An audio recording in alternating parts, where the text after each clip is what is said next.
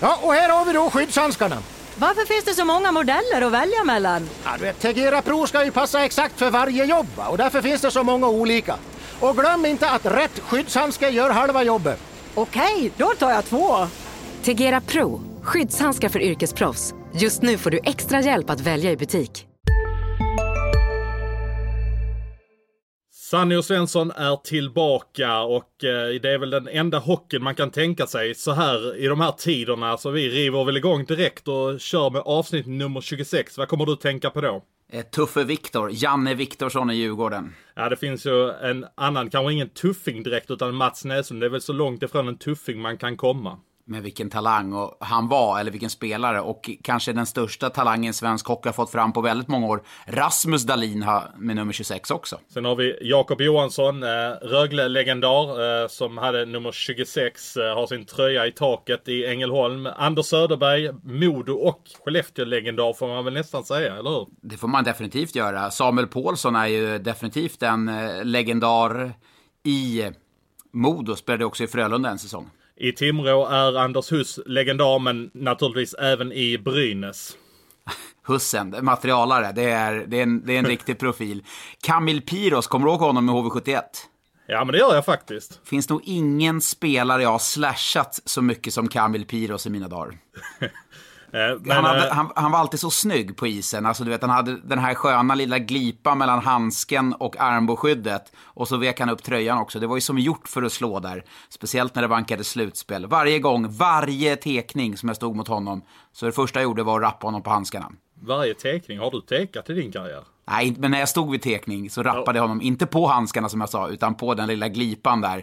Jäklar vad less han var. Jag tror det är match 6 där. Då var det, stod det 3-1 tror jag vi ledde, men i match 6 eller 2-0. Och så var det fem sekunder kvar. Då hyttade jag med klubban mot honom.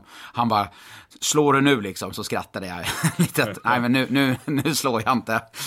En som du kanske har varit på och jävlats med också är ju målvakten Johan Backlund. Eh, Timrå, Leksand, Skellefteå. Ja, världens sämsta bilförare skulle jag vilja säga. Jag åkte bil med honom eh, mellan Sundsvall och Timrå till träningen. Jag tror inte det finns en sämre bil, bilkörare eller, än Johan Backlund. Vad gör honom till en dålig bilförare? Pratar, lyssnar på radion, bakar snus samtidigt som han styr ratten med lårna och kör alldeles för snabbt. Det är sällan en bra kombination.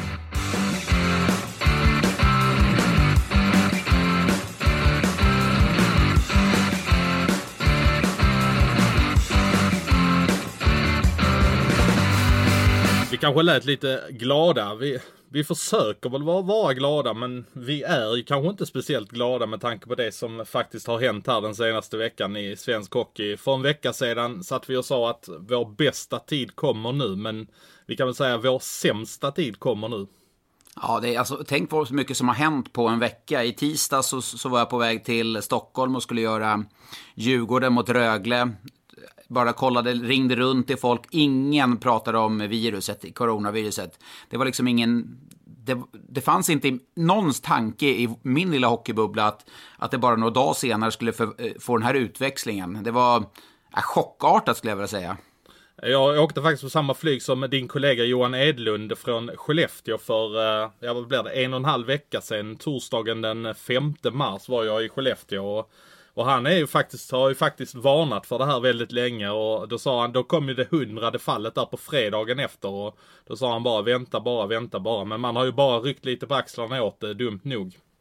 Ja, nej, det här är ju, jag ska säga, det var en svart dag, en svart vecka för svensk hockey och det är oundvikligt alltså, att lida enormt mycket med så många lag, personer, supportrar, funktionärer.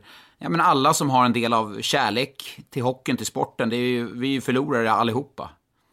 Men vad kan man säga när beslutet är fattat? Vi kan väl vara ganska rörande överens om att det fanns ingen utväg utan vi, vi kunde inte spela mer hockey. Både du och jag var på en match, samma match faktiskt i torsdags eh, och det var ju helt oundvikligt det som eh, beslutades efter att den omgången hade spelats. Ja, jag tror oavsett om eh, med smittspridning eller inte. Jag tror när man såg sista matchen utan publik så tror jag man, beslutet var taget. Det hade inte gått att spela ett SM-slutspel utan publik. Det, det funkar det, det hade inte funkat. Nu med tanke på också smittspridningen och allt sådär så, så har ju hockeyn, idrotten har ju ett samhällsansvar och menar, göra, dra sitt strå till stacken. Så det var ju totalt oundvikligt. Jag pratade med lite spelare här i, i fredags också. De var ju många som bara vittnade om att Nej, men jag har ju familj, jag vill åka hem dit, jag vill åka hem dit, jag kommer inte få åka tillbaka till Kanada och vad händer då? Alltså det fanns en enorm oro så att det fanns ingen utväg. Både du och jag satt ju efter matchen i eh, Ängelholm. Jag kan ju säga det att när jag lämnade ishallen i Ängelholm så sa jag till kollegorna där uppe på pressläktaren och sa jag det sista jag sa att vi ses nästa säsong och sedan så äh, träffades ju du, jag och din kollega Lena Sundqvist efter matchen och äh, vi var ju helt rörande överens och det var ju, vi hade ganska trevligt men det var ju ändå rätt deppigt. Det var en deppig stämning. Ja, men alla fattade vad det, vad det barka. Det är förresten vårt eh, lilla... Det är där vi ses, du och jag, på hus 57 i Ängelholm. Det är, ska vi träffas så är det på hus 57. Ja, tydligen, tydligen. Nej, men det... Ja, men vilka vinnare, förlorare? Alla är ju förlorare, eh, kan, kan man väl säga. Och de största... Eh, Luleå måste ju vara helt bedrövade. När får de en sån här chans igen? Vi kanske står där om ett år, de har ett, ett drömläge också, men Jesper Sellgren, Nils Lundqvist, de sticker ju till nästa år. De, vad kan de tjäna tillsammans? Ja, det är inte, ja, det är inte mycket Nils Lundqvist lär ha ett rookie-kontrakt till att börja med. Ja, men säger vi att de tillsammans tjänar 100 000, då ska man veta att snittlönen i SHL ligger väl runt 120, har jag för mig att det var. Mm. Eh, vad hittar man så billiga och så jävla bra backar, ursäkta mig. Så att, eh, jag lider med dem. Sen, sen går det oundvikligt lagen som var på väg uppåt, både från Hockeyettan och Hockeyallsvenskan. Fruktansvärt. Ja, jag, jag har pratat med lite representanter för Luleå här under helgen som gick och eh, Alltså det är så deppigt så det är helt sjukt. Alltså det är precis som du är inne på här nu att när får de en sån här chans igen? Har Luleå varit så här bra? Ja, de vann ju serien eh, när de åkte ut mot AIK där i, eh, vad var det, 2012? När de vann, eh, när de vann 2012, serien. ja. ja. Var de så bra då? Nej. Nej, det var de. Nej, det var de. De var bra. Jag spelade ju på den tiden. De, men det var mer att de var jävligt strukturerade. De hade liksom... De började med den typen av hockey som de har utvecklat lite nu, som egentligen ingen spelade och, och drog ruggig nytta av den och väldigt svår att möta. Nu har man deras spets och utvecklade spelet lite också, så att nej, det, det går faktiskt inte att jämföra. Jag har ju, jag har ju stått fast vid att eh, vid att Frölunda skulle vinna guld. Men desto mer har gått här under serien så, så ser jag ingen, såg jag ingen anledning varför inte Luleå skulle kunna vinna guld. Så de hade gått in i slutspel som solklara favoriter. Ja, och tittar man på dem så eh, de kände, de kände väl nog på sig själva också att vi är så här bra, vi kommer att ta hem hela skiten. De har fått träna rätt, de har kunnat vila spelare. Ändå har de vunnit en massa matcher. De har liksom ändå tuffat på och känt att shit, vi är, vi är bäst av alla lag. Jag tror framförallt den känslan som man gick in i slutspelet med i år kontra i fjol. Eh, man gjorde en jättebra säsong i fjol också, men nu tror jag det finns ett helt annat självförtroende i gruppen, i organisationen, allting. Utan man var bekväm med att man skulle gå in i slutspel som favorit. Man var bekväm med att man såg sig själv som bäst. Det kan jag bara eh, tänka på när jag spelade i Färjestad 2011 när vi vann.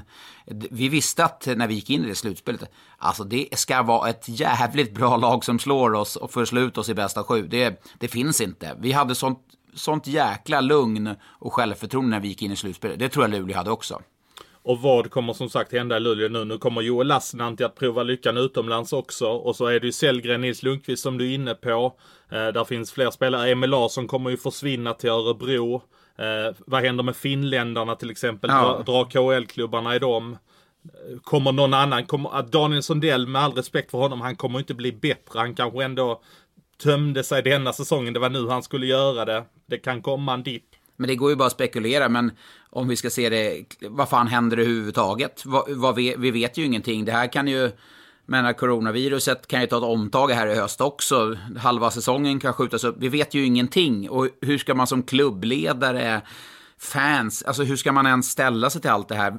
Går det, går det ens att värva spelare? Nej, det är, det är precis det. Jag, jag var ute och sa det alltså här när, detta, när nyheten kom att, och folk började tjata om, ja nu börjar silly season. Jo, absolut att eh, klubbledare har börjat värva ihop lag och har bestämt sig för vilka spelare de ska behålla. Men vad kommer de ha att förhålla sig till för budget? Om man leker med tanken att alla klubbar ligger någonstans mellan 40 och 50 miljoner i snitt kanske. Eh, vad, vad kommer de ha 28 miljoner att röra sig med. För man vet inte med sponsorer, centrala sponsorer. Tänk om det är en sponsor som, ja men den sponsorn puttar alltid in en halv miljon till oss. Ja, men vad händer Ja. om de säger, ja men vi, vi kan bara vara med på 100 000 denna säsongen. Tänk om en 3, 4, 5 sponsorer säger så. Och så tänk publik, jag menar det- här kommer ju drabba oss alla ekonomiskt. Det kommer bli jättetufft. Eh, Folk kommer tvingas gå hem från jobb, eh, hotell, eh, flyg, allt.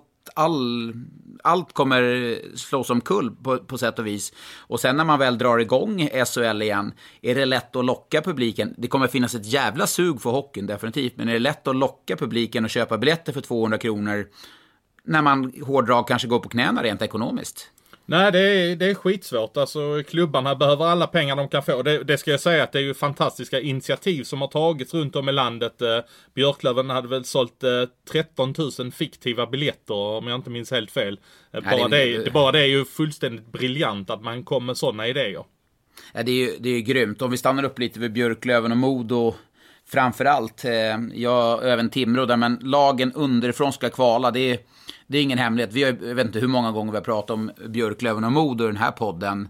Eh, vilka säsonger de har gjort. Och så står man där, det är roligast av allt. Först match 1 i tisdags. Alltså, jag gjorde ju Djurgården mot Rögle, kastade mig i bilen hem, hade, hade matchen på, på telefonen liggande så jag hörde ljudet. Och så såg jag overtime när jag kom hem, jag kom, he- var hemma hos mina föräldrar.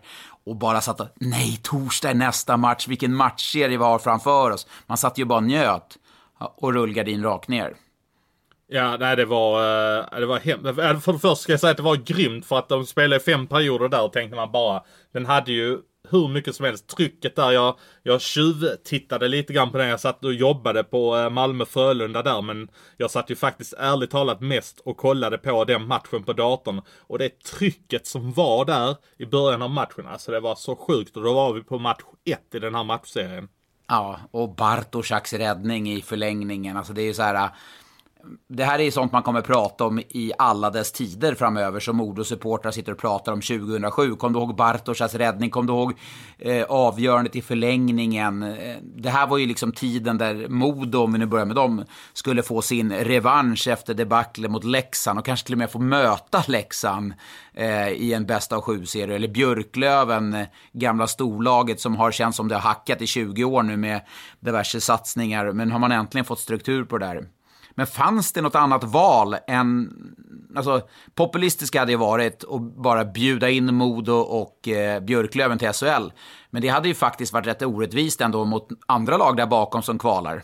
Ja men Timrå, Södertälje och Västerås och de, de, de anser ju också att de har en chans. Och med all rätt, om du tittar rent historiskt så har ju faktiskt lagen från slutspelsserien slagit sig till ett direktkval fler gånger än vad förloraren i den allsvenska finalen har gjort. Så att eh, det hade jag ju definitivt förstått om de hade protesterat mot det där. Men alternativet till att göra som, eh, som man nu gjorde, vilket kanske ändå är det rätta i slutändan, hade kanske jag tyckt vara att eh, att köra SHL på 12 lag nästa säsong och eh, sen fördela ut TV-pengarna som är kvar på lag 13 och 14 över de två lagen plus Modo, Timrå och eh, Björklöven och alla de här lagen som var i slutspelsserien i någon form av fallande ordning efter hur de placerade sig. Och att man sedan skickar upp två lag i SHL och utökar till 14 lag nästa säsong i SHL och så skickar man ut AIK och Kristianstad också. Eh, Så att all, alla hade fått spela i Allsvenskan men ändå hade haft en bättre chans än vanligt att ta sig upp. Men det hade ju varit, alltså då hade man ju kastat om alla regler eller alla strukturer och allting. För det var Ja inte men någon exakt, förutsättning. exakt. Man Det, gick det är in i därför det inte säsongen. går. Det är därför det inte Det går går inte. Nej, det är därför det inte går. Därför var detta alternativet som var nu. Det var ju trots allt det enda de kunde göra. Men eh, Svenska ishockeyförbundet eh, kom ut med ett pressmeddelande i söndags. Och efter det är det locket på. Alltså, ska man kommunicera eller finns det inget att kommunicera om? För om jag hade varit Björklöven, Modo, supporter, framför allt eh, Väsby i Hockeyettan eller ja, Vimmerby som är på väg upp. Jag hade varit skogstokig. Förbannat galen. Jag hade, vad, vad ska jag ta mig till? Vem ska Men jag ringa? Vad ska jag vad är det du vill att de ska kommunicera ut mer än tydliga besked? De har ju kommunicerat ut ett besked. Men va, hur kom man fram till det här beskedet? Varför tog man beskedet så snabbt? Eh, Fanns det möjlighet att, att avvakta med beskedet för att analysera läget? Vilka har varit involverade i det här beslutet? Alltså, Det var ju i och för sig rätt tydligt att det var styrelsen i förbundet som var enhetliga i det här beslutet. Eller enhälliga Ja. ska jag säga. Alltså det, du, ni kommer, eller du kommer märka när, jag- alltså, när jag gör den här, jag kommer till slut argumentera mot mig själv. Och, alltså, jag vet inte själv vilket jävla ben jag ska stå på. Jag, jag tycker bara förbannat synd om alla inblandade. Och egentligen hade jag bara velat lyfta upp alla och ge dem en stor kram och känna kom in i värmen här. Men jag fattar att det inte funkar så.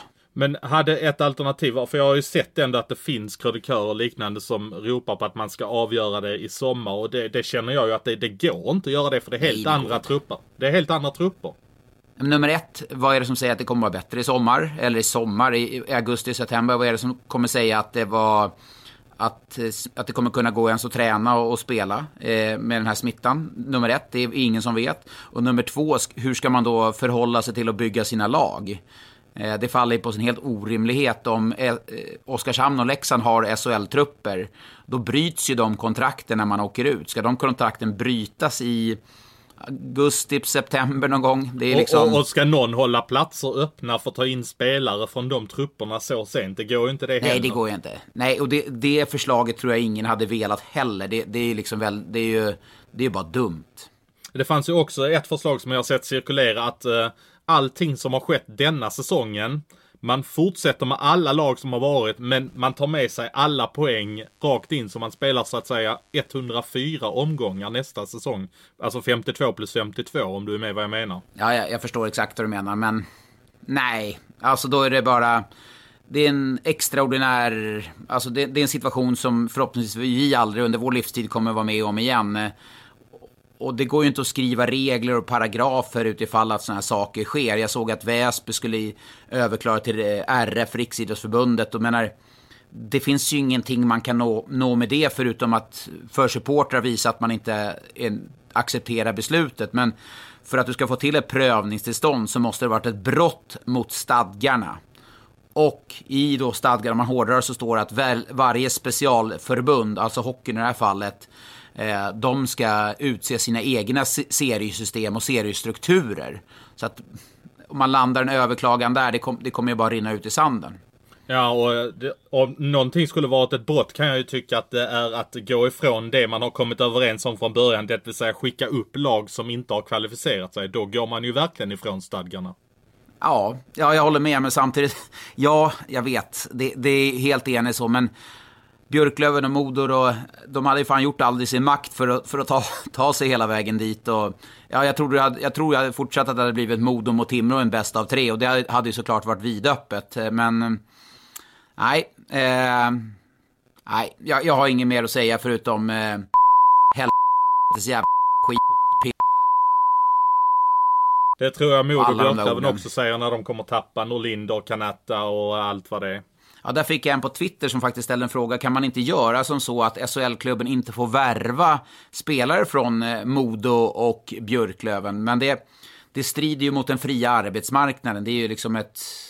Det går ju inte, för det finns ju lagar och, regler på sådana saker. Ja, och varför skulle man hindra till exempel Mattias Norlinder från att spela SHL-hockey och blåsa honom på ett år av karriären mer än vad han redan har blivit blåst på att konfekten att få gå upp med ett lag nu till exempel.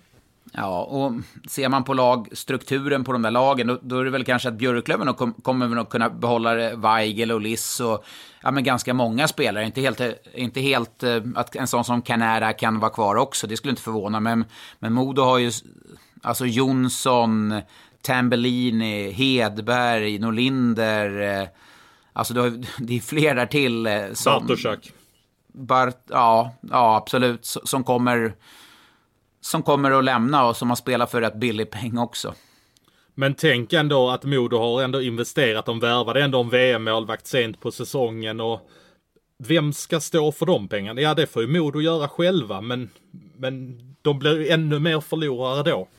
Ja, men vem annars ska stå för dem? Alltså det är ju det är inte så, så att det finns ju ingen det är ju ingen som har gjort förutom eh, coronaviruset. Alltså det är inte förbundet som har, har gjort så att det tvung, eh, stoppas, utan hälsovårdsmyndigheten har sagt att de här, de här eh, strukturerna gäller, eller det här, det här gäller i, i, inom Sverige. Och vi har ju långt, ligger långt mycket efter många andra länder i, i världen kring restriktiva saker. Så att vem ska ersättas och ska förbundet ersätta, ska de ersätta alla klubbar? Tror du att det kan bli så här att kommunerna går in och hjälper till lite grann i de olika klubbarna med tanke på att klubbarna betyder så mycket för de andra, för respektive klubb så att säga?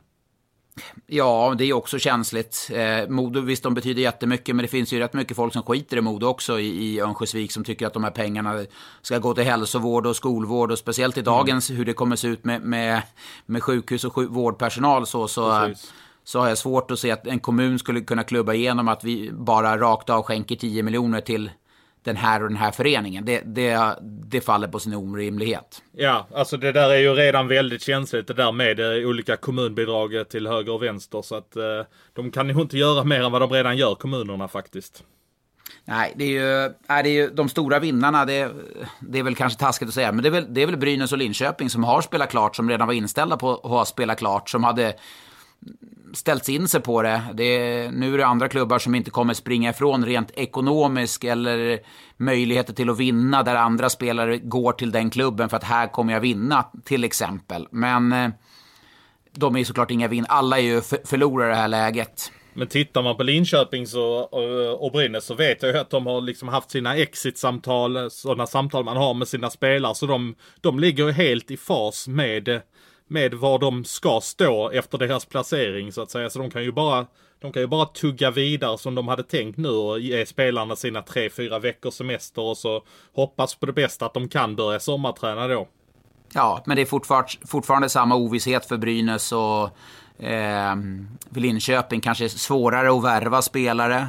Och eh, eftersom man har kommit där man har gjort eh, och vem kan man värva, hur mycket kan man lägga på spelare, när kommer det här lägga sig, kommer det lägga sig, kommer säsongen starta? Det är så jävla mycket frågetecken för dem också såklart. Ja men så är det ju. Och eh, jag vet ju till exempel nu, jag var ute och skrev på Twitter här att uh, att silly season, man kanske får lugna sig lite med det och, men trots allt så har det börjat och eh, på, på tal om Linköping där så eh, skrev jag ju i lördags att eh, Eddie Larsson är ju klar för Luleå till nästa säsong. Det finns stanna ju en... upp där, stanna upp där, vi stannar upp där. Eh, vi hade en liten eh, konversation, du, jag och Davve, vår kompis på Clarion Sign. Då han eh, var ganska glad över att Eddie Larsson hade då signat i Luleå efter att du avslöjade det. Och jag skrev att det här blir en klockren värvning, men du trodde inte alls på den. Nej, men jag kanske ändå får omvärdera det lite grann. Jag, jag måste ändå göra det för att eh, det finns ändå vissa parametrar i det där som gör att det kanske talar för att han inte får så mycket istid och att eh, han kanske, Bulan kanske, hans eh, strikta hockey passar lite bättre för en sån som Eddie Larsson som behöver vara inrutad i en box så att säga.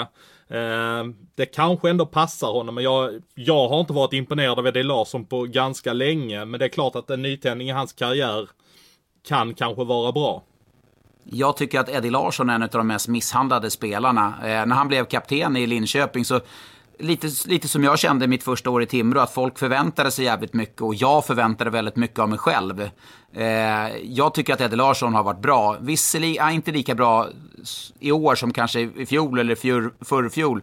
Framförallt när han hade Dan Tangnes, när det var lite mera ja, men lite mer tydlighet hur man ville spela. Nu har det varit lite tydligare med Bert i år i form av att man har dragit i handbromsen lite defensivt. Så tycker jag att Eddie har varit jävligt bra. Jag tycker han, ett tag var han en av seriens mest underskattade backar. Du drar det till och med så långt alltså? Ja, faktiskt. Jag tyckte att han var skitbra för, för två, tre säsonger sedan. Jag vet, två, tre säsonger sedan, det är ett tag. Men Linköping, det har ju varit hela havet stormar ett tag. Och för en, då, en spelare som ska vara kapten, det är klart att det är extra tufft. Nu kommer han upp komma till Luleå, ett fungerande maskineri, en backuppsättning där han, han ändå kommer få en femte, sjätte backplats, tror jag. Eh, långt mycket bättre än Jalvanti, så jag tycker att det är en klockren värvning för Luleå. Det beror också på vad de har betalat för det. Ja, men, ja precis, absolut. Men det, jag tar inte hänsyn till sånt när jag, när jag bedömer om det är en bra eller dålig värvning. Eh, alltså jag, han kommer göra Luleå bättre. Sen om de väljer att betala 100 eller 200 000, det har jag ingen aning om. Och det, det bryr mig inte så mycket heller. Uppgradering från Jalvanti om vi frågar dig alltså? Deluxe, ja ja absolut. Alltså, han är Deluxe ju... till och med. Alltså vad, vad har du emot Jalvanti? Ja men Jalvanti är faktiskt ja, nu lyssnar ju han åkt hem till Finland, så nu, nu lyssnar jag inte på den här podden kanske. Men nej, skämt åsido. Eh, Jalvanti tycker jag faktiskt är en dålig back. Eh, när det var slutspel i fjol mot eh, Växjö där i, i, i, kvarten, då tyckte jag han var direkt obrukbar. Eh, spelade knappt också, så att eh, då är Eddie Larsson, har trots allt varit med och vunnit med Växjö tidigare, så det är, det är en bra värvning. Men nu tog du bort det jag skulle säga här, för det finns ju en annan spelare i Linköping som ska till en annan SHL-konkurrent. Så att uh, här byggde jag upp någonting och så ska du ja, börja babbla Eddie Larsson här i fem minuter. Ja, men, ja då ber jag om ursäkt. Shoot, shoot. ja. ja, men Olle Lycksell eh, ska ju faktiskt till en uh, SHL-konkurrent. Eller jag tror han ska till en SHL-konkurrent för jag vet ju inte om det är signat eller om, det, om, det, om den här klubben måste dra sig ur eller hur det blir. Men eh, vad jag hörde så sent som i lördags så är, är Olle Lycksell klar för Färjestad och överens med dem. Du vet vad jag tycker om Olle Lycksell va? Ja men du har väl haft honom uppe här lite tidigare? Ja, jag tycker det är, jag var inne på det i en av våra första poddavsnitt att Olle Lycksell var en spelare som man skulle värva. För det finns potential i honom. Och det någonstans kanske han kan få ut den potentialen är ju Färjestad som, som de senaste åren har utvecklat offensiva spelare på ett jäkligt bra sätt. Ehm, och i min, alltså som jag ser på Lycksell så ska han vara en produktiv spelare. Och det tror jag han kommer kunna bli. Hej, Synoptik här. Visste du att solens UV-strålar kan vara skadliga och åldra dina ögon i förtid? Kom in till oss så hjälper vi dig att hitta rätt solglasögon som skyddar dina ögon. Välkommen till Synoptik. På Sveriges största jackpot-kasino går hypermiljonen på högvarv. Från Malmö i söder till Kiruna i norr har hypermiljonen genererat över 130 miljoner exklusivt till våra spelare. Välkommen in till Sveriges största jackpot-kasino, hyper.com. 18 plus, regler och villkor gäller. Färjestad. Va, vad skulle han kunna tänka sig för omgivning i Färjestad då? Tänk en, eh, nästa år en tredje kedja med, eh, vad har de för centrar, men... Eh, skulle ja, han inte nu, kunna gå i andra kedjan då? Ja, definitivt. Men jag tänker att en spelare, om jag hade varit en sportchef eller eh, en general manager i valfritt lag så hade jag sett att Olle Lycksell nästa år eh, räknar med att du ska göra nio poäng i tredje kedjan, eller vad säger nio mål i en tredje kedja. Och året efter så ska det vara god för 15 och tredje året upp mot 20 mål. Att man har den långsiktiga planen för honom. Då tror jag inte man ska nödvändigtvis kasta, honom, kasta in honom i en andra kedja. Men tredje kedja med spel i powerplay, nio mål första säsongen, bortåt 15 andra säsongen. Så jag, jag tycker att det är en bra värvning. Det var ju väldigt mycket mystik när Pennerborn och Peter Jakobsson var på en match i Jönköping för, eh, ja vad var det, ett par månader sedan nu. Det var, alla bara undrar, vad gjorde de där? Och eh, ja. då, då mötte ju HV Linköping. Ja, ja det, då var det väl honom de kollade på. Så kan det vara. Ja, ja då gjorde de Jag kommer inte ihåg, jag var ju faktiskt och kommenterade den matchen, men jag, jag minns inte exakt hur Lycksell eh, spelade i den matchen. Men ska jag säga en annan spelare jag hade, eh, hade värvat om jag hade varit sportchef? Ja, bara kör. Adam Ginning. Ja, han har jag också varit inne på att eh, jag kan tänka mig att eh, Philadelphia nog vill se honom någon annanstans. Alltså, jag, han, han var ändå eh, kapten i JVM. Det talar ändå att han har tydliga ledaregenskaper. Han var utlånad den här säsongen. Jag, jag, jag, jag är inte direkt jättekritisk mot Linköping, för jag tyckte inte att han var så jäkla bra i Linköping när han varit utlånad till Vita Hästen. Men det är ändå en spelare, 20 år, eh, jäk, alltså har en defensiv styrka, skulle kunna plocka in honom för 40 000 i en trupp. Nu är det möjligtvis att han stannar i Linköping, för han var faktiskt bättre i slutskedet av säsongen. Och när Eddie Larsson nu lämnar kanske det finns ännu mer plats för honom. Men det är en spelare jag hade kunnat... Alltså, hade jag varit... Ja, oavsett klubb egentligen så hade jag nog kunnat ryckt honom för 40 000 i månaden och fått kunna utveckla till en bra defensiv back. Ja men alltså pratar man de pengarna så eh, skulle jag ju stått i kö oavsett vilken SHL-klubb jag var. Snål kanske, vad ska han ha, 60 000 då kanske? Ingen aning vad. Jag, jag är så dålig på det här med löner. Det, det, det är din... Det är din... ja, det är väl i allra högsta grad din uh, puck också. Men uh, ja, men det är, ju, det är ju inte så att han ska upp och snurra på någon medellön i SHL direkt. Han är ju fortfarande, det är första års senior nästa säsong ju. Men du, en annan eh, får vi bara stanna upp när vi är... Eller har du något mer att avslöja när du är ändå igång eller? Nej, nu, nu kan du få trampa vidare. Okej, okay, alltså man är rädd man trampar dig på tån när du såg så himla förnärmad ut. Och då sitter, sitter, sitter du först och tycker synd om eh, Modo, Björklöven och Luleå-supportrarna. Sen när du råkar trampa dig på tån om en värvning blir du hur sur som helst. Det är alltid jag som mig det är mest synd om. offerkoftan på. Jajamän. Men du, vi var, vi var ju båda i Ängelholm i, eh, i torsdags där. Rögle, det är också ett lag man lider med. Första slutspelet, ja, de var ju, fick ju en försmak i fjol på åttondel. Dessförinnan var väl 93. 94 till och med. 94 till och med. Och nu hade man ett lag som, ja, man hade mött HV i en kvartsfinal. Ja, och eh, hade faktiskt fått hemmafördel och hade haft revansch mot just HV eftersom det var de som slog ut eh, Rögle förra året i eh, åttondelsfinalen. Ja, och eh, de har ju aldrig vunnit en slutspelsmatch. Eh, de har ett lag som är riktigt bra, eh, som skulle kunna vara med och utmana. Så det, det är en förening, supporterskara som man, som man lider mycket med faktiskt. Sen tror jag att jag, de gillar mig i Ängelholm, har jag fått uppfattning om. Ja men det är ju sen du började hylla dem tidigt här i början av säsongen.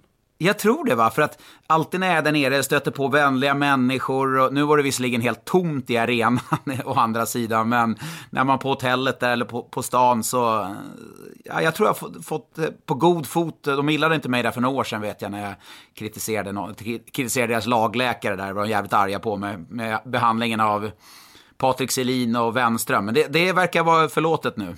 Ja, men det är klart att de, eh, de gillar ju dig när du har börjat hylla dem. Och med all rätt eftersom den här säsongen de har gjort, eh, den har varit riktigt jäkla bra. De hade någon dipp i mitten på säsongen, men eh, de reste sig och de har ju faktiskt varit bra även när de haft en massa spelare skadade. Men Rögle är också ett sånt lag som lite grann som Luleå som kanske hade lite grann sin chans nu. Nu säger inte jag att de inte kommer få den igen. Men de kommer ändå tappa lite spelare här nu som ändå har betytt väldigt mycket. Och det räcker vi bara säga Cody Curran och Ted Brithén så är det ju väldigt mycket slagstyrka som försvinner för laget.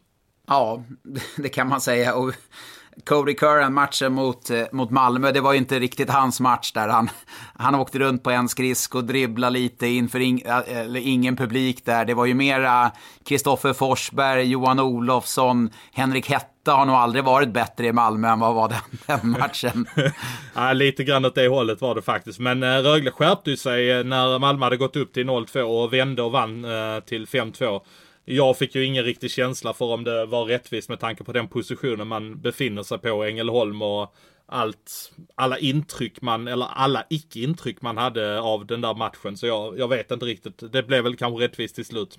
Men jag tänkte publikens kraft. Eh, kom du ihåg i andra perioden där när Dennis Everberg bryter in framför Oskar Alsenfelt? Precis vad jag sa. Precis vad jag sa han, han, fäller honom. Han fäller honom. Det är ju ingen som, ja, möjligtvis att kanske någon i båset skriker till, men det får man inte göra nu heller, för då får man ju utvisning direkt. Så det är helt tyst i arenan. Eh, jag hörde ingenting från pressläktaren och eh, vi på kommentators position, vi konstaterade med att det skulle vara en utvisning. Men hade det varit fullsatt i Catena Arena, då, då hade uh, Alsenfelt haft en två minuters visning. Det kan vi konstatera. Ja, och om inte han hade fått det då så hade de ju fått det på någon ganska billig situation senare. För de hade ju märkt på publikens reaktioner att de gjorde väldigt fel där.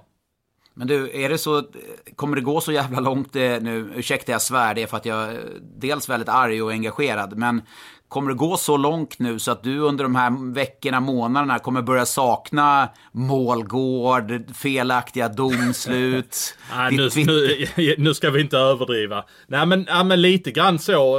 Det är klart att man kommer sakna all, allt sånt. Allting som handlar kring och all, alla känslor och allting som rör upp. Det är väl klart att man kommer sakna allting sådant.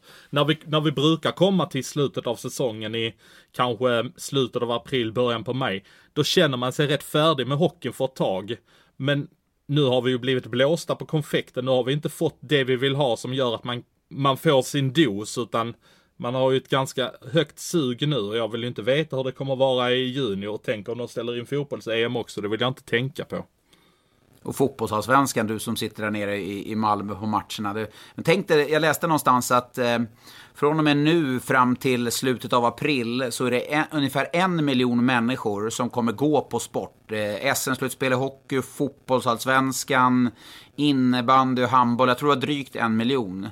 Eh, förstå, alltså förstår du vad, vilken saknad det kommer vara för all idrott, alla människor och den glädje och engagemang som det ändå gör och vilken tomhet som det lämnar? Ja, alltså det är ju nästan som man blir överlycklig att, eh, att det går lite trav på tv så man får lite tävling. Alltså trav, det är inget fel på trav på det sättet men eh, man kan sitta och glo på det nu utan att, det, utan att ha lirat på det. Alltså det känns ju nästan på den nivån att man Alltså bara titta på tv-matchen nu. Inställt, inställt, inställt. Det finns ju kanske en fördel. Det är ju kanske att Liverpool inte får segra i Premier League på riktigt om nu den ställs in.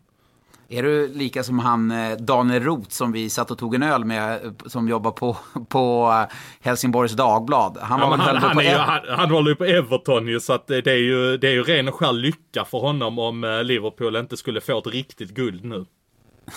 Nej, den på den nivån är det faktiskt inte. Jag, alltså det är bara, det finns men det finns ändå en viss motstånd. Håller du inte på Liverpool så önskar du dem lite olika. Och jag kan inte förklara varför. Ja, det som kommer hända nu kan man ju faktiskt fråga sig de olika klubbarna. Normalt sett när en säsong är avslutad så väntar det ju så kallade exit-samtal med alla spelare. Det vill säga att spelarna kallas in individuellt till lagledningen och får prata om säsongen som har varit, vad har varit bra, vad har varit mindre bra och så vidare. Kanske någon får beskedet att det blir inget nytt kontrakt. Eh, de samtalen kommer ju givetvis att äga rum eh, här nu de närmsta dagarna för att eh, klubbarna är kanske benägna om att skicka iväg sina spelare på semester här nu och många vill kanske hem och så vidare. Men det ska ju vidare med en silly season och någonstans så måste de börja bygga trupper. Va, vad kommer hända? Eh, ja, som du är inne på, just nu så analyserar man nog läget och man får inte glömma bort att mitt i det här så finns det ju ändå fiaskon, misslyckanden. Vi var inne på Brynäs, eh, Brynäs och eh, Linköping tidigare, men Växjö, hur analyserar de en sån här säsong?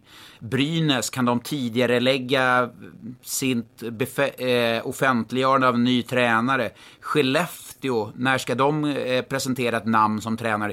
Det är sådana delar som är viktiga också eh, i, i det här fallet liksom. Ja, och eh, om man tänker så här att eh, normala trupper ligger på 40 plus i budget. Eh, jag tror inte, jag tror nästan att många lag redan har fyllt på för typ 30 plus i sina trupper redan nu. Eh, kommer det bli ett stopp från styrelsen på att värva spelare när ni får vänta till juni innan ni kan bestämma vilka som ska ha de sista platserna? Kan vi se sådana scenarier komma? Det, det, skulle kunna vara, men jag tror de stora klubbarna, de kommer nog inte agera så. Eh, jag tror inte Färjestad, om vi börjar där, om vi benämner dem som en stor klubb, kommer sätta sig i den situationen som man hamnade i i år när man var Ville Leskinen kort hela tiden. När han fick sparken så var man nästan en spelare kort. Eh, jag tror inte att Frölunda kommer, de kommer lägga kraft på att stärka sin backuppsättning. Som man såg inte höll den här säsongen. Jag tror Rögle lika så. De kommer se till att värva en toppmålvakt eller liksom när Vill lämnar. Så att vissa lag absolut. Eh, men jag tror att det kommer rustas ändå. Men med en viss försiktighet definitivt. Men då kommer vi ändå trots allt se lite grann det vi ser när eh, klubbar eh, har avslutat sina säsonger. Att det kommer börja rulla in lite nyförvärv. Det kommer komma de här klassiska vårstädningarna som det heter på kvällstidningsspråk. Eh, som kommer här efter säsongerna. Det kommer komma den närmsta veckan då helt enkelt. Ja.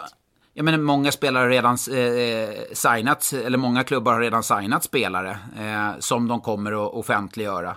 Eh, jag menar, senast igår så var det offentligt, redan då var det bekräftat att Joakim Eriksson, målvakten som du nämnde i podden förra veckan, han var...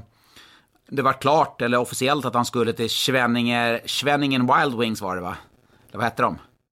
Ja, ja men exakt, Schwenninger Wild Wings, ja precis. inte Wild Kings, Wild Wings. Wild Wings, ja. Wild Wings. Ja, en riktig budgetklubb i Tyskland för övrigt fort, eh, corona-budget eller tidigare var de också budgetlag? Det var budget redan innan coronan. Man får prata före eller efter coronatiden. Vi börjar med en fråga här då. Eh, vad hände med Jonathan Dahlén? Frågar Alfred Johansson. Och Alfred Johansson var het på knapparna. Och han eh, frågar också vad vi tycker om Mattias Norlinde till Frölunda. Jag kan börja med Norlinde till Frölunda. Det känns ju... Förlåt alla Modosupportrar. Jag lider enormt mycket mer. Men såklart att Norlinder kommer lämna nu när det blir fortsatt spel i Hockeyallsvenskan. Eh, och Norlinder till, eh, till Frölunda kommer bli en klockren värvning. Jag har jättestora förväntningar på honom som kommer ta steg och bli en topp 3, topp 4 back i Frölunda. I ett lag som även nästa år, kom, eller det var de ju inte i år, de kommer fasiken sjua. Men de kommer ligga i toppen av tabellen nästa år. Eh, om, vi, om det gäller den här frågan med Jonathan Dahlén så, eh, så vet jag ju att han har alla SHL-klubbar efter sig. Och han, han kan göra i princip som han vill. Eh, men fan vet om inte Jonathan Dahlén är en sån spelare. För den glöden han har för Timrå. Ja. Att, att, att kunna ta upp dem. Alltså jag är inte säker på att han sticker faktiskt. Utan jag kan... Jag, jag, jag ser på honom att han brinner så oerhört för att spela i SHL med Timrå. Så han skulle faktiskt kunna stanna en säsong till. För att ta upp dem när det blir så att säga enklare, om man nu kan säga så. Hur balt vore inte det egentligen? Alltså gå sin egen väg Timrå. Han, är ju, han har ju redan hög status där, men det är ju nästan tröjan i taket-klass om han skulle stanna en säsong till och, och faktiskt ta upp Timrå. Ja, men han, ska, han måste slå poängrekordet också ju. Ja, just jäklar. Ja, bara en sån sak. Men om du hade varit general manager i en klubb i SHL, hur mycket hade du gett, erbjudit honom i lön? Oavsett coronatider, oavsett budget. Hur mycket hade du gett honom i lön för att få honom till din klubb? Ja, men alltså, det handlar inte om pengar för Jonathan Dahlén. Det handlar ju Nej, nästan det, enbart om trivsel för honom ju. Men ja, precis. Men vad hade du erbjudit i kontrakt? Ja, ja, men 200 plus utan tvekan. Vad, hur mycket poäng skulle han göra i SHL eh, eh, om han var frisk en hel säsong? 40 plus, lätt, direkt. Oh. Ja, oj, oj, oj. Och vad va, va, va, va, blir man i poängligan om man gör 40 plus? Då blir det väl typ topp 10 va? Topp 10 blir det ju. Ja. Topp 10. Han hade varit topp 10 i poängligan direkt, det kan jag lova dig. Och han kanske eventuellt ska spela kvar i Hockeyallsvenskan med Timrå. Ah, vilken lirare och eh, jag känner inte Jonathan Dahlén men verkar vara en jäkla härlig person. Jag kan ta en fråga. Ebba frågar, fortsätter ni med podden även när säsongen är över? Och den, den är ju faktiskt över nu redan i mars och eh, vi har väl en tanke på att vi, vi ska försöka hålla igång den ett gäng veckor i alla fall. Det tycker jag. Det är väl nu man behöver hockey. Hockeysnack och hockeykärlek och hockeypuls och allt. Det tycker jag definitivt. Men fattar du vilket ansvar vi har då som att, att hålla reda på alla hockeyintresserade? Det är vi som ska stilla dem nu ju. Ja, men lugn, lugn nu Svensson. lugn. så riktigt så, är, så, så, så behöver du inte ja, känna. Ja, men skönt, skönt, skönt. Det är någon som går och lyssnar på det här. De går ut i, går en, en morgon eller sitter i bilen så sitter de och lyssnar på vårt tugg. Men de skulle nog överleva utan oss också tror jag faktiskt. Men vi, vi tanken att vi ska köra på i alla fall för tusen. Ja, ja, ja det är klart vi gör. Men det, mycket frågor är ju såklart, eh, eftersom jag skickade ut den här söndag morgon eh, och eh, söndag runt lunch, strax efter lunch kom ju beskedet då hur svensk hockey valde att göra med seriesystemet. Men jättemycket frågor handlar om hur ska seriesystemet se ut? Ska Modo gå upp? Ska Björklöven gå upp? Vad händer med Timrå? Ska Oskarshamn vara kvar? Ska Leksand vara kvar? Och mitt i allt det här så har ju alla klubbar i stort sett pratar för sin egen sak. Ja, ja, men eh, så är det ju. Det, det, gör man ju och det kan jag faktiskt förstå att man pratar för sin egen sak för att eh, du vill ju din klubbs bästa. Det är klart att alla förstår att det inte var möjligt att fortsätta. Det är klart att alla förstår att man inte kunde spela hockey i det läget som är nu. Men samtidigt måste du ändå tala i din egen sak så jag förstår ju att man gör det. Här är en fråga då från Magnus Jonsson som undrar eh, vem är säsongens eh, MVP? Han vill ha en MVP i alla lag men också ligans MVP. Alla lag kanske blir lite svårt men... Eh, men det har vi, det har vi tid till nästa podd här och, och ösa på med lite MVP i varje lag. Ja men det kan vi väl göra. Vi kan väl ta ut en MVP i varje lag så har vi 14 MVP och så tar vi ut den som är bäst i ligan. Jag tror vi är rätt överens vem som är det i ligan i alla fall. Det kan vi ta nu. Säger du det så har vi det gjort i alla fall. Vem som är bäst i ligan? Ja. Ska vi säga på tre då? Ja. Ett, Ett två, två, tre. Cody, Cody Curran. Curran. Exakt. Men du, där måste vi bara stanna upp. Det kanske är synd att rasa eller fel att rasa nu eller ens kommentera det. Men gud så töntigt det här med guldhjälmen, att man inte gör en större grej av det. Ja, alltså jag visste knappt att den delades ut här häromdagen. Om jag ska vara helt ärlig. Nej, det är ju, det är ju pinsamt. Jag, jag, jag, blir lika förbannad varje år det sker. Men det finns ju som sagt mer att eh, bry sig om nu eh, än, än en guldhjälm. Men han är i alla fall bäst. Men ska vi köra 14 MVP? Ska vi förbereda det till nästa, nästa podd kanske? Tills på, tills på eh, nästa måndag? Ja, men det tycker jag. Och, och då vill vi inte ha någon påverkan från en massa folk. Utan nu ska vi få eh, säga vad vi tycker själva här. Ja, ja, jag har ju redan eh, mina klara i stort sett eh, i, ja, i varje ja, det, ja, det tror jag också att jag har. Men du, eh, Erik Axelsson undrar, vad händer med vinstsumman för vinnaren av den hockeyallsvenska finalen? Fördelas den mellan de två finallagen? Jag visste inte ens att det fanns en vinstsumma. Jo, det finns väl det. Eh, nu får ni lyssna rätta mig om jag har fel, men är inte den på 100 000? Och så hade Södertälje typ Kringel Cup, fast den hette väl Skoda Trophy eller någonting. Mm. Och då hade, hade de 101 000 till vinnaren, var det inte så? Just det, just det, så var det ja. Så var det ja. Så att, eh, ja, så det, det, det kan väl ligga någonting, kanske eh, dela på det. Det är väl, det är väl små, små pengar i det, i, eh, i det hela. Men sen alla frågor egentligen, jag förstår det, det handlar om upp och nerflyttning, vilka lag och, och så. Var det rätt att Leksand fick stanna kvar? Var det rätt att Oskarshamn, Björklöven, det är mycket sånt och vi har väl avhandlat ganska mycket av det. Ja, och det är mycket som handlar om pengar och så här. Eh, det är många som undrar och är oroliga för ekonomin i respektive klubb och det har vi också avhandlat här. Så att vi, vi känner oss ganska tunna på saker. Det är, alla undrar lite samma saker med all rätt eh, med det läget som har varit nu. Ja, coronatider till trots Johan. Det är Elite Prospect-spelaren som ska plockas ut. Ja, och nu är det du som ska utmana mig om jag är helt rätt på det. Ja, exakt. Jag drog ju en fyra förra veckan. Det var jag väldigt, väldigt nöjd med. Då ligger du plus ett va? För jag leder Plus med tre. ett, pl- plus ett på det. Och vi får ju se hur det blir med... Vi hade ju planer på livepodd och vi skulle det och det skulle bjudas på middag. Jag vet, vi, vi vet helt enkelt inte vad som, he, vad som sker här framöver. Ja, vi får se eh, var det tar vägen, men jag kommer vinna tävlingen ändå. Då kör vi. Fem poäng. En, tog sin moderklubb till toppen av tabellen och av allt att döma lämnar han nu ännu en gång moderklubben. Nej, jag har inte en aning. Nej, jag har inte en aning. När han vann sitt enda SM-guld gjorde han det i samma lag som den person som nu är hans sportchef.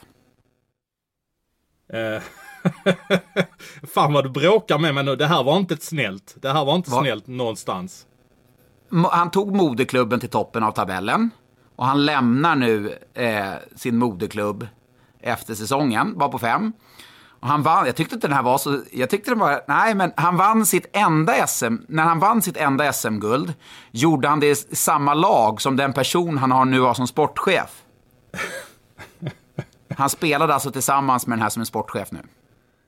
Uh, nu måste jag bara gå igenom vad har vi för sportchefer. Uh, eh, Skuggan har tagit ett SM-guld. Vem har spelat med Skuggan?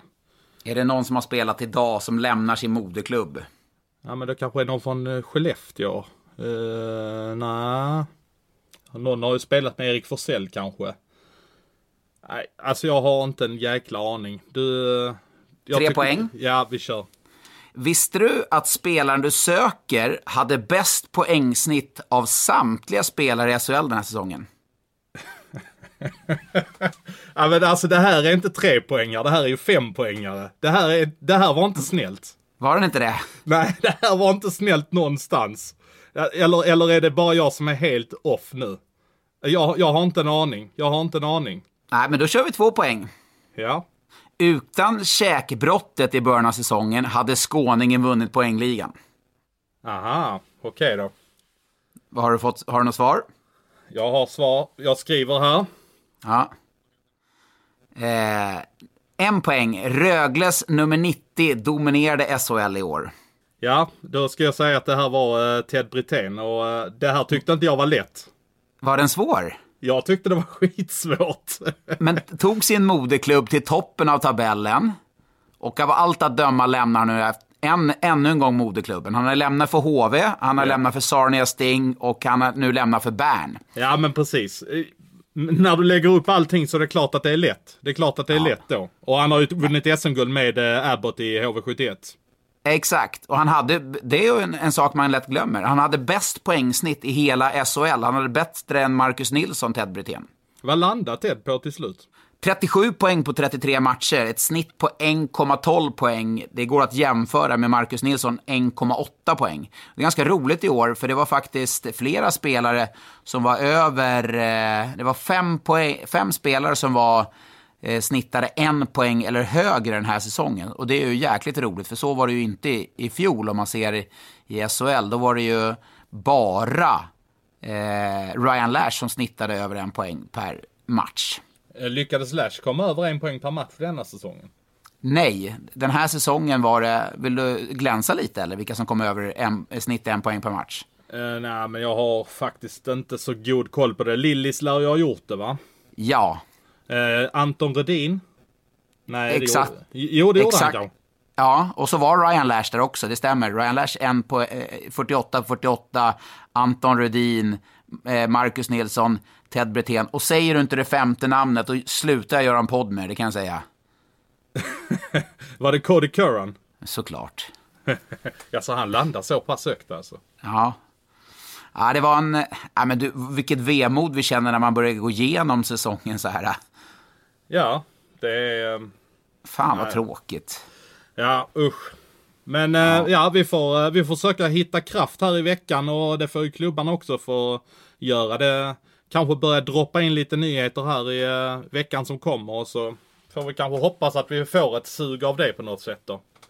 Men är du taggad, eh, bara stanna upp där, är du taggad för silly season? Liksom, hur känns det att lyfta luren och ringa till agenter, till sportchefer, till spelare och allt möjligt vad du nu ringer för, att, för att äh, jaga rätt på nyheterna? Är du taggad för det överhuvudtaget? Ja, kanske inte när jag sitter här nu, men när jag väl, om man får in lite tips och sånt så tror jag ändå att det kommer komma lite sådana känslor. Men eh, jag är kanske mer så, hålla på och ringa, tänk om man skulle ringa till Luleås sportchefer typ ett par dagar efter de har blivit i stort sett blåsta på ett SM-guld. Vad, vad känner de om man ringer och jagar på sådana grejer då? Nej, precis. Ja, just det. Jag har hört att Einar Emanuelsson, Petter Emanuelsson och Erik Gustafsson ska bryta sina kontrakt. Vad säger ni om det? uff, uff, uff. Nej, det, nej, det hade inte... Det, sånt där kanske inte känns helt bra, men det är ju ändå professionella människor som, eh, som fattar läget och får göra det bästa av situationen. Så det är klart att de eh, kommer få ta sådana samtal också. Ja, nej, vi lider med alla. Luleå och HV71 i SDHL och, och klubbarna som jagade SM-guld och de som jagade underifrån i Hockeyallsvenskan och Hockeyettan. Min, min nya favoritklubb Vimmerby och dess fans, jag lider med er. Ja, och Väsby som eh, inte fick lov att gå upp. Och vad händer med deras målvakt som är klar för AIK nästa säsong? Han får i alla fall spela Hockeyallsvenskan. Det, det vet vi. Ja, men precis. Nu, nu blir ju inte det något problem helt enkelt. Nej, suck och stön. Vi kommer tillbaka. Vi uh, hörs om en vi, eh, vecka. Vi gör det va? Vi kommer ja, tillbaka. Det, det, är väl klart, det är väl klart vi kommer tillbaka. Vi kommer tillbaka. Vi hörs om en vecka. Med, mer energi och glädje nästa vecka då? Definitivt. Vi hörs då. Och krya på er alla där ute och... Ja, vi lider med er.